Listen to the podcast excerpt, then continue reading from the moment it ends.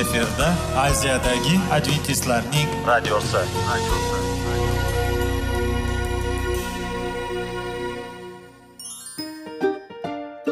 assalomu alaykum aziz radio tinglovchilar. Sog'liq daqiqasi rubrikasiga xush kelibsiz. Zero tananing sog'lom bo'lishi va uning kasalliklardan saqlash har bir insonning burchi hisoblanadi. Inson uchun bebaho boylik bu sog'liq salomatlikdir. Uni asrash esa har birimizga omonat qilib berilgan. Shuning uchun ham inson o'z sog'lig'ini ehtiyot qilishi va ajib amallardan hisoblanadi. Dono xalqimiz sog'liq tuman boylik deb bejiz aytmagan.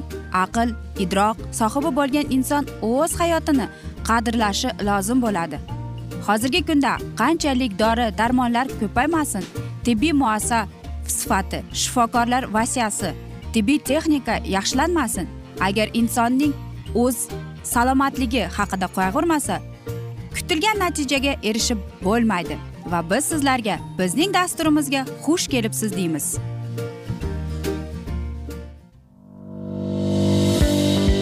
Sog'liq daqiqasi soliqning kaliti qiziqarli ma'lumotlar faktlar. Har kuni siz uchun foydali maslahatlar. Sog'liq daqiqasi rubrikasi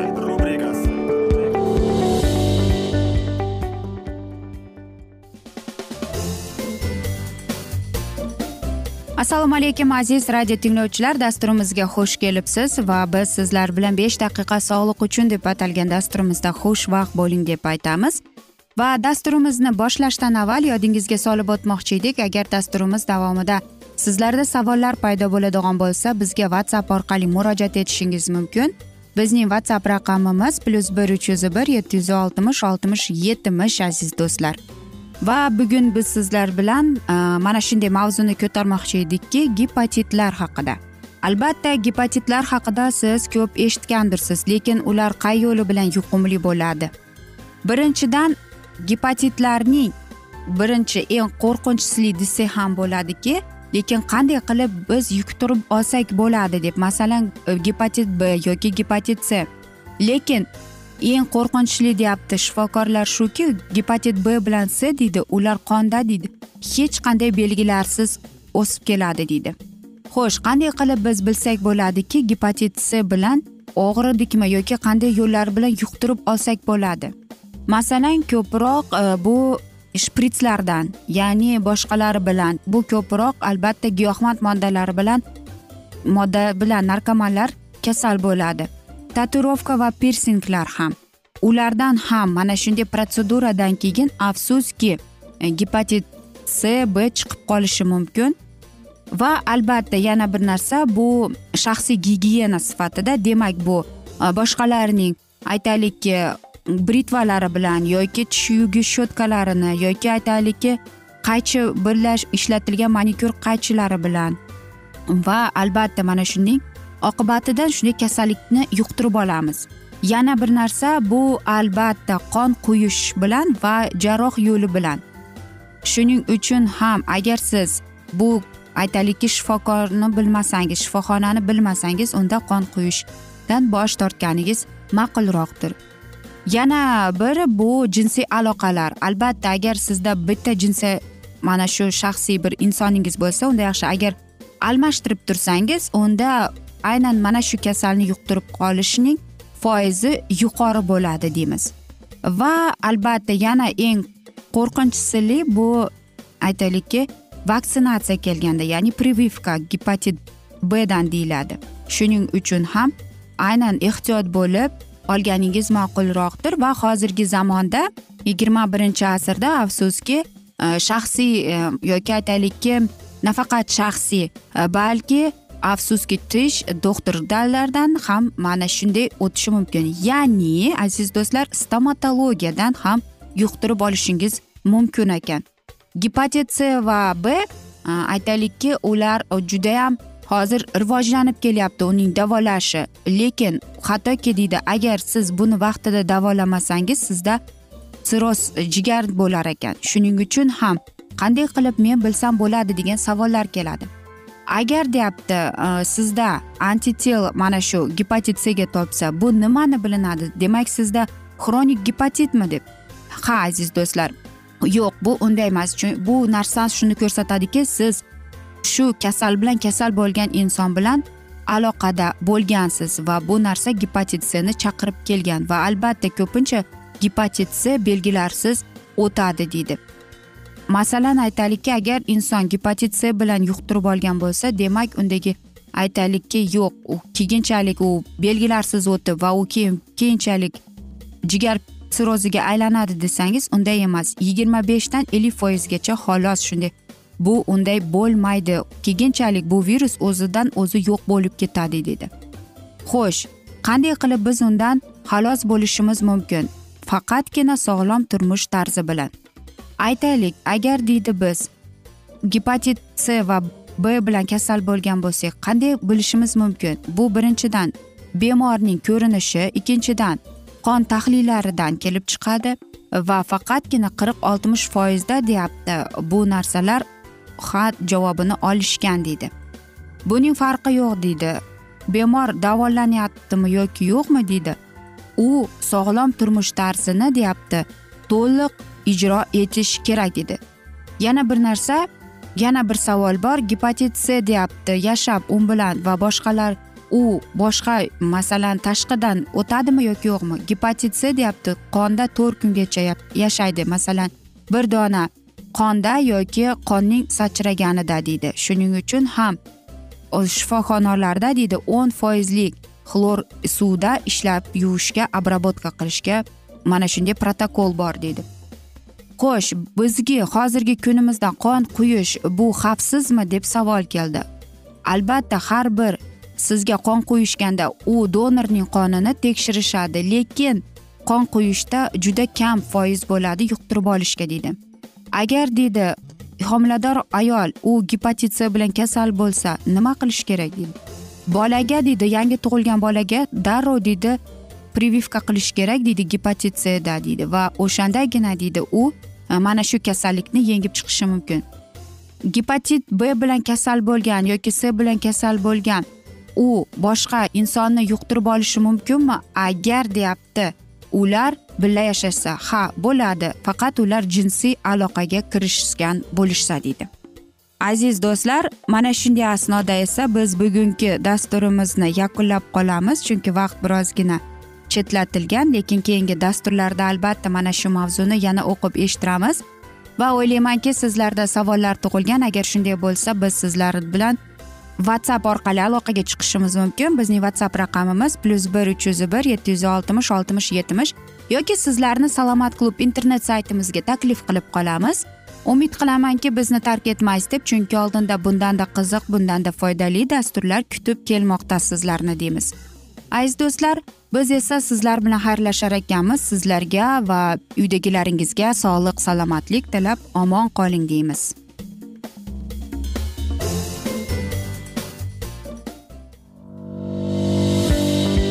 Sog'liq daqiqasi soliqning kaliti qiziqarli ma'lumotlar faktlar. Har kuni siz uchun foydali maslahatlar. Sog'liq daqiqasi rubrikasi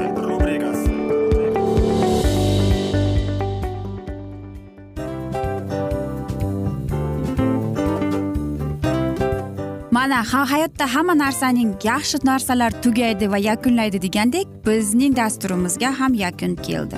O'ylaymanki bizning dasturimiz sizga foydali bo'ldi deb aziz radio tinglovchimiz. Va siz o'zingiz uchun kerakli xulosalar kerakli maslahatlar olib oldingiz. Aziz radio tinglovchimiz biz bilan qoling va keyingi dasturlarimiz albatta undanda qiziqroq bo'ladi. Mana shu alfozda sizlar bilan xayrlashib qolaman.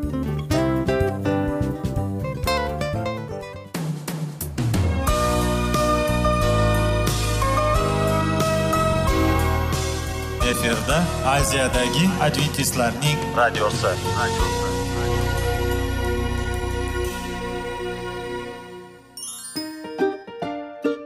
Assalomu alaykum aziz radio tinglovchilarimiz. Dil izhori dasturimizga xush kelibsiz. Pul insonni baxtli qiladimi? Albatta yo'q. Sog'liqchi. Albatta bo'lishi mumkindir. Lekin olimlar shuni isbotlashdiki to'liq va mukammal munosabatlar insonlarni baxtli qilar ekan. Albatta biz hayot davomida biz yaqin insonlar bilan odamlar bilan aloqada bo'lamiz va ular bilan munosabatlarimiz qanday kechadi qanday tuziladi? Yigit va qiz er va xotin ota ona va farzandlar va yaqin insonlar bilan balkim hozirgi vaqtda kimnidir hayoti yoki munosabatlari buzilyapti va bizning dasturlarimiz ularga yordam bo'ladi deb. Va oldinda sizlarni qiziqarli intervyular va mavzular kutyapti va biz umid qilamizki siz biz bilan qolasiz deb.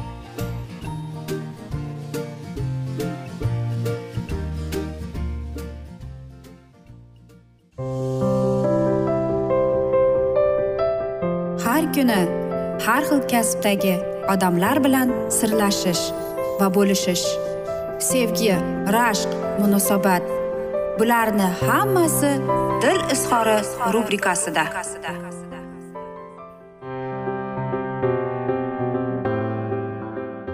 Assalomu alaykum aziz radio tinglovchilar. Dasturimizga xush kelibsiz va biz sizlar bilan izlash va ushlab qolish degan dasturimizda xushvaqt bo'ling deb aytamiz.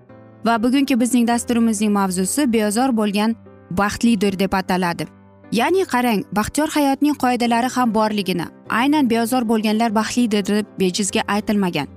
Chunki tog'da aytgan isoning va'zidagi baxtiyorlikni birma bir ko'zdan kechirganda biz ularda iymonimiz tajribasi o'sish uchun ma'lum tartibini topamiz. Masihda o'z ehtiyojini aniq tushungan haqiqatdan gunohlari ustidan yig'lagan va masih bilan birgalikda azoblanish maktabini o'tgan inson ilohiy ustozdan beozorlikka o'rnatadi deydi va qarangki iso o'z otasining sharf sharaf va shoni aksi bo'lib xudoga teng hurmatni o'lja qilmadi deydi lekin o'z ulug'ligidan kechib qul qiyofasiga kirdi deydi u bu dunyoning eng pastlariga tushdi va insonlar tomonidan hurmat talab qiladigan podshoh kabi emas balki boshqalarga xizmat qilish uchun da'vat etildi. Ko'rinishda insonlar singari bo'lib o'zini shunday past olsa ham uning tabiati farishtalarga nisbatan oliy hikmatliroq bo'lib qoladi deydi uning ilohiy yuksalligiga odamlarni o'ziga jalb qiladigan alohida beozorlik alohida yuvoshlik namoyon bo'ladi deydi va qarangki uning har qanday harakatlarida men degan so'z bo'lmadi ammo lekin hammasi otasining irodasiga bo'ysuntirilgan edi. Yer yuzida uning ishi deyarli yakunlanganda deydi u aytadi men deydi sen menga topshirgan vazifani ado etdim deydi. Men yer yuzida seni ulug'ladim deydi. O'zidan kechgan va kamtar va hokisor masihga nazar soladigan kishi doniyor payg'ambar inson o'g'lini ko'rganda aytgan so'zlarini beixtiyor takrorlaydi. Mening yuzim juda o'zgardi mening vujudimda hushyorlik qolmadi deydi. Odamlar oldida ko'rsatadigan mustahkamligimiz haqiqiy nurda o'zimizga dushman kuchi alomatlari bo'lib ko'rinadi. Insoniy tabiat har vaqt boshqadan ustun chiqishiga intiladi lekin masihdan o'rgangan o'z menligidan ozod mag'rurlik va podsho bo'lish chanqoqligidan ham erkin uning joni tinch chunki tamoman muqaddas ruhiga ta'siriga bo'ysungan deydi. O'zimiz uchun afzalroq va yuqoriroq joyni yoki mavqeni olishga biz endi g'amxo'rlik qilolmaymiz. Boshqalarning e'tiborini o'zimizga jalb qilishga hech qanday xohish bo'lmaydi. Bizning eng yaxshi va baland o'rnimiz najotkorimizning oyog'i yonida shuni biz bilamiz. Agar biz isoga nazar solib undan rahbarlik kutamiz. Bizni yo'laydigan ovoziga quloq solamiz aziz do'stlar. Agar masih bizning yuragimizda muttasil mehmon bo'lsa har qanday ongdan yuqori ilohiy tinchlik bizning yuraklarimizni va tuyg'ularimizni iso masihda saqlaydi deydi. Va qarangki uning bilan xudoning sharafiga va yo'ldan toygan insoniyatning foydasiga xizmat qiling. Shunda solgan bo'yinturuq yumshoq u bergan yuk yengil ekanini topasiz. Shaxsiyatparastlik bizning tinchlikni buzadi. Vujudimizdagi men deganlik tirik bo'lganimizcha biz uni har qanday haqorat qilishdan va xafalikdan saqlashga tayyormiz. Lekin agarda u o'lib bizning hayotimizda masih bilan birgalikda xudoga bag'ishlangan bo'lsa shu holatda bizni qanday kamsitasinlar deydi. Bizga hech qanday og'riq keltirmaydi. Biz ta'na qilishni eshitmaymiz va zahar handani haqoratni ko'rmaymiz. Sevgi sabrli va ko'ngilchangdir. Sevgi hasad qilmas keksaymas shishinmas. Sevgi beboshlik qilmas xudbinlik qilmas achchiqlanmas nohaqlikka sevinmas aksincha haqiqat ila shod bo'lur. Sevgi har narsani ko'tarar har yo'lda ishonch hosil qilar. Har sharoitda umid saqlar har narsaga toqat qilar. Sevgi aslo ado bo'lmas. Payg'ambarlar bashorati bo'lsa tamom bo'lg'usi tilla bo'lsa jim bo'lg'usi bilim bo'lsa bartaraf bo'lg'usi deydi. Qarangki yerning manbalaridan ustimizga qulaydigan baxt o'tib ketadigan lekin isoning tinchligi va doimiy abadiydir deydi. U beradigan tinchlik hayot sharoitiga boylikka va do'stlar soniga bog'liq emas deydi. Masih hayotbaxsh suvning manbaidir va u inom qilgan baxt o'tmaydi ekan. Va qarangki beozorlar deyapti yerning merosxo'rlari o'zini baland ko'tarishga tashnalik dunyoga gunoh kirishning sababi. Bizning birinchi ota onamiz go'zal yerdagi podshohliklarni yo'qotdilar deydi. O'zidan kechib iso masih g'olib chiqdi va bizlarga ham ibrat bo'lsin deb g'olib chiqishni tayinlaydi. O'zimizdan kechib kamtarlikda biz uning merosxo'rlari bo'lishimiz mumkin. Qarangki dovud payg'ambar aytgandek beozorlar esa yer yuziga ega bo'lajak ular tinch osoyishtalikda huzur bo'l qilajak deydi. Lekin va'da qilingan yer biz yashayotgan la'natga va o'limga duchor bo'lgan yerga o'xshamaydi deydi. Chunki xudoning ahd qilgan bo'yicha biz adolat hukm suradigan yangi yer va yangi osmonni kutyapmiz. Boshqa hech qanday la'nat qolmaydi deydi shaharda xudoning ko'zining taxti bo'ladi. Uning qo'llari bizga xizmat qiladi. Va qarangki aziz do'stlar kamtarlik beozorlik janjal chiqarmaydi deydi qizg'in kayfiyatni tinchlatadi o'zining atrofida va oilaning a'zolariga haqiqiy qondiradigan sevgi va nazokatli hislarni tarqatadi deydi shunday oila shu yerda buyuk samoviy oilaning bir bo'lagidir deyilgan aziz do'stlar. Va biz sizlarga yuqorida o'qib o'tgan she'rimizni e, sevgi hasad qilmas sevgi sabrli va ko'ngilchandir keksaymas va shishinmas deydi sevgi bu beboshlik qilmas xudbinlik qilmas achchiqlanmas nohaqlikka sevinmas deymiz. Har yo'lda ishonch hosil qilar sevgi har sharoitda umid saqlar har narsaga toqat qilar deydi. Mana shunday aziz do'stlar bugungi dasturimizni afsuski yakunlab qolamiz chunki vaqt birozgina chetlatilgan lekin keyingi dasturlarda albatta mana shu mavzuni yana o'qib eshittiramiz. Va umid qilamizki bizni tark etmaysiz deb chunki oldinda bundanda qiziq bundanda foydali dasturlar kutib kelmoqda sizlarni deymiz aziz do'stlar. Biz esa sizlar bilan xayrlashar ekanmiz sizlarga va oilangizga tinchlik totuvlik sog'lik salomatlik tilab aziz do'stlar. Va albatta eng asosiysi seving seviling deb xayrlashib qolamiz.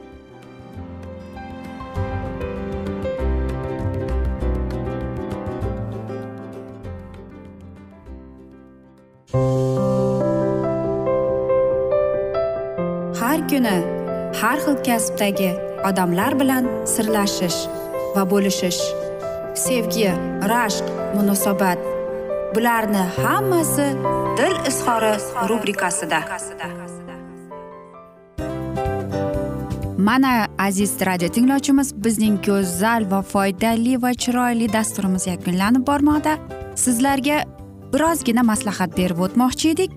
Bir biringizni seving qadringizga yeting va erkalang albatta bir biringizni va sizga judayam chiroyli va mustahkam munosabatlar tilab qolamiz albatta. Sevgilingiz doimo yoningizda bo'lsin. Mana shu borada sizlar bilan xayrlashib qolamiz. Xayr.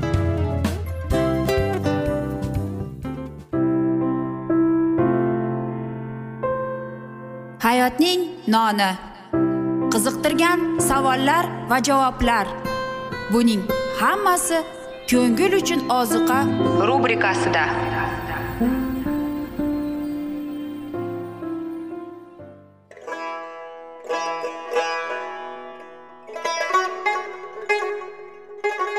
Assalomu alaykum aziz radio tinglovchilarimiz.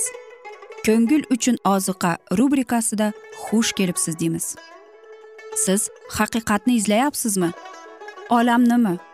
Umidnimi? Siz kimga murojaat qilmoqchisiz? Odamlar ko'pincha siyosat kuchiga tayanadilar. Dunyo iqtisodiyoti holati tobora chuqurlashib bormoqda. Tabiiy ofatlar va texnogen halokatlar minglab insonlarning hayotini olib ketib juda katta zarar yetkazmoqda. Sizga abadiy hayot inomini hadya qiluvchi va hayotingizni tubdan o'zgartiruvchi haqiqatni izlab toping. Xudo haqidagi haqiqat uning kalomida mujassamlashgan. Kimki bu haqiqatni butun qalbi bilan izlasa albatta unga yetishadi. Bu sevgi xudoning tarixidir. Hayotingizda yoki sizning yon atrofingizdagi olamda nimalar yuz berishidan qat'iy nazar siz ertagi kunga buyuk umid va ishonch hosil qilishingiz mumkin. Hozirda xudo sizga taklif qilayotgan umid ishonchga o'z qalbingizni oching va sizni qiziqtirayotgan mavzularni savollaringizga javoblaringizni topib olasiz deb umid qilamiz. Biz bilan qoling.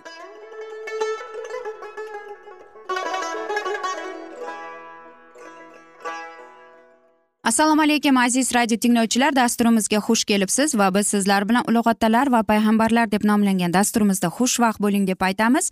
Va bugungi bizning dasturimizning mavzusi shogirdlikning belgilari deb ataladi va dasturimizni boshlashdan avval sizlarning yodingizga solib o'tmoqchi edim. Agar dastur davomida sizlarda savollar tug'ilsa bizga whatsapp orqali murojaat etsangiz bo'ladi. Bizning whatsapp raqamimiz plyus bir uch yuz bir yetti yuz oltmish oltmish yetmish. Va biz sizlar bilan o'tgan galgi dasturimizning mavzusini yana davom ettiramiz. Shu yurakda bo'lgan sev muhabbat hayotini ko'ngilli qilib o'zining atrofida yuksaltiradigan ta'sir tarqatadi. Allohning farzandlari xususan endigina uning inoyatiga ishonch bog'lay boshlaganlar. Ikki bor bo'lgan jiddiy xatardan o'zlarini saqlashlari lozim. Birinchisi uning to'g'risida aytilgandek odamlar o'zlarini xudo bilan ko'ndirish uchun shaxsiy ishlarga e'tibor berib o'zlari qiloladigan ishlarga ishonadilar.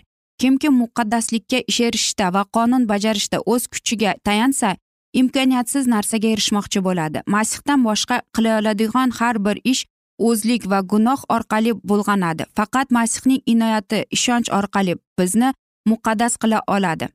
Ikkinchi xatarli xato bunga zid.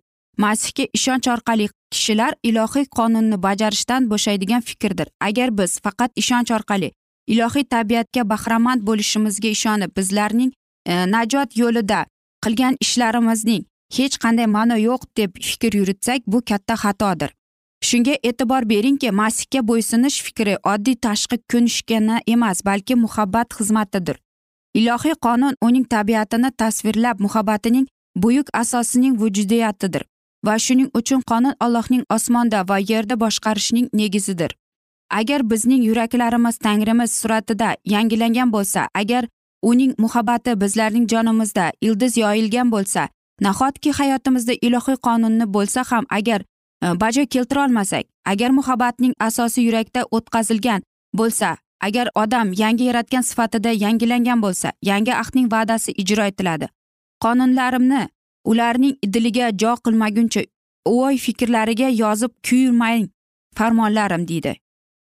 Endi qonun yurakda yozilgan bo'lsa nahotki u butun hayot yo'lini ko'rsatolmasa bo'ysunish ya'ni sevgi natijasida paydo bo'lgan xizmat va sadoqat bo'lar. Iso shogirdlarini aniq alomatidir. Shuning uchun kitobda aytiladi allohni sevish uning amrlarini bajo keltirish demakdir. Uni bilaman deb turib uning amrlariga rioya qilmagan kishi yolg'onchi bo'ladi. Unda haqiqat yo'qdir. Ishonch odamni bo'ysunishdan bo'shatmaydi. U bizni masihning inoyatiga birlashtirib bizga bo'ysunish uchun kuch beradi. Bo'ysunishimiz bilan biz najotni mehnat qilib topmaymiz.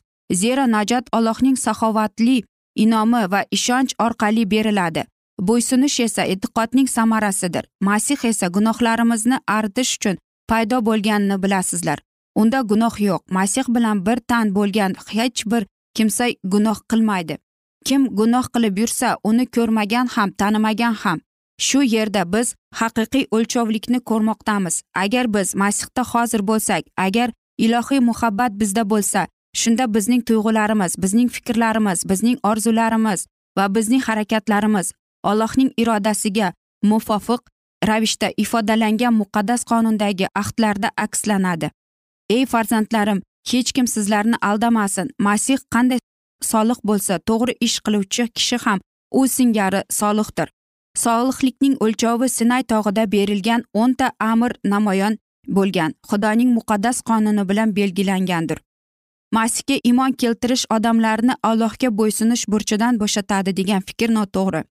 Shunday e'tiqod iymon emas balki o'zlik ya'ni o'ziga ishonishdir. Ha sizlar xudodan inoyat topib imonsiz tufayli qutulgansizlar. Ammo lekin amalsiz iymon o'z o'zidan yo'likdir. Yer yuziga kelishdan oldin iso o'z to'g'risida shunday deydi. Xohishingni bajarmoq istayman ey xudoyim sening qonuning yuragimda mening. O'zining osmonga ko'tarilishi oldidan u e'lon qildi. Men otamning amrlariga amal qilib uning muhabbatiga sodiq qolganman. Yana kitobda aytiladi agar biz uning amrlariga rioya qilsak uni bilib olganimizga amin bo'lamiz. Kimki masihning qalamiga rioya qilsa u kishida xudoning sevgisi haqiqatdan kamolga yetgan bo'ladi. Xudo bilan bir tanman degan kishi masih yurganda yurmog'i shart. Masih ham mening izimdan yuringlar deb sizlar uchun azob chekib namuna bo'ldi. Abadiy hayotga ega bo'lish shartlari bugungi kunda ham otamiz odam jannatda gunoh qilganidan oldin bo'lganidek o'zgarmagan. Abadiy hayotga erishish ushbu ilohiy qonunga to'la to'kis bo'ysunish va komil solihligidir agar abadiy hayot shu shartnoma asosida berilmaganida edi butun dunyoning baxti jiddiy xavfda qolar edi. Shunda gunohga uning keyingi olib keladigan g'am qayg'ularni va falokatlari abadiy qolishga yo'l ochilar edi. Odam otamiz gunohga yo'liqish oldidan ilohiy qonunga itoat qilish orqali tabiatning solihligiga yetishish solih tabiatni rivojlantirish imkoniyati bor edi. Lekin u shuni bajarmadi va uning gunohkor bo'lgani sababli bizlar ham shu tabiatning merosxo'rlari bo'lib o'z o'zimizcha solih bo'lolmaymiz. Bu gunohkor va betafiq bo'lganimiz tufayli muqaddas qonunga kamolat darajada bo'ysuna olmaymiz. Olloh qonunning talablarini to'la qondirish uchun bizda o'z solihligimiz yo'q. Aziz do'stlar mana shunday asnoda esa biz bugungi dasturimizni yakunlab qolamiz chunki vaqt birozgina chetlatilgan. Lekin keyingi dasturlarda albatta mana shu mavzuni yana o'qib eshittiramiz va agar dasturimiz davomida sizlarda savollar tug'ilgan bo'lsa bizga whatsapp orqali murojaat etishingiz mumkin. Bizning whatsapp raqamimiz plyus bir uch yuz bir yetti yuz oltmish oltmish yetmish aziz do'stlar umid qilaman bizni tark etmaysiz deb chunki oldinda bundanda qiziq va foydali dasturlar kutib kelmoqda deymiz. Va biz sizlar bilan xayrlashar ekanmiz. Sizga va oilangizga tinchlik totuvlik sog'lik salomatlik tilab o'zingizni va yaqinlaringizni ehtiyot qiling deb xayrlashib qolamiz.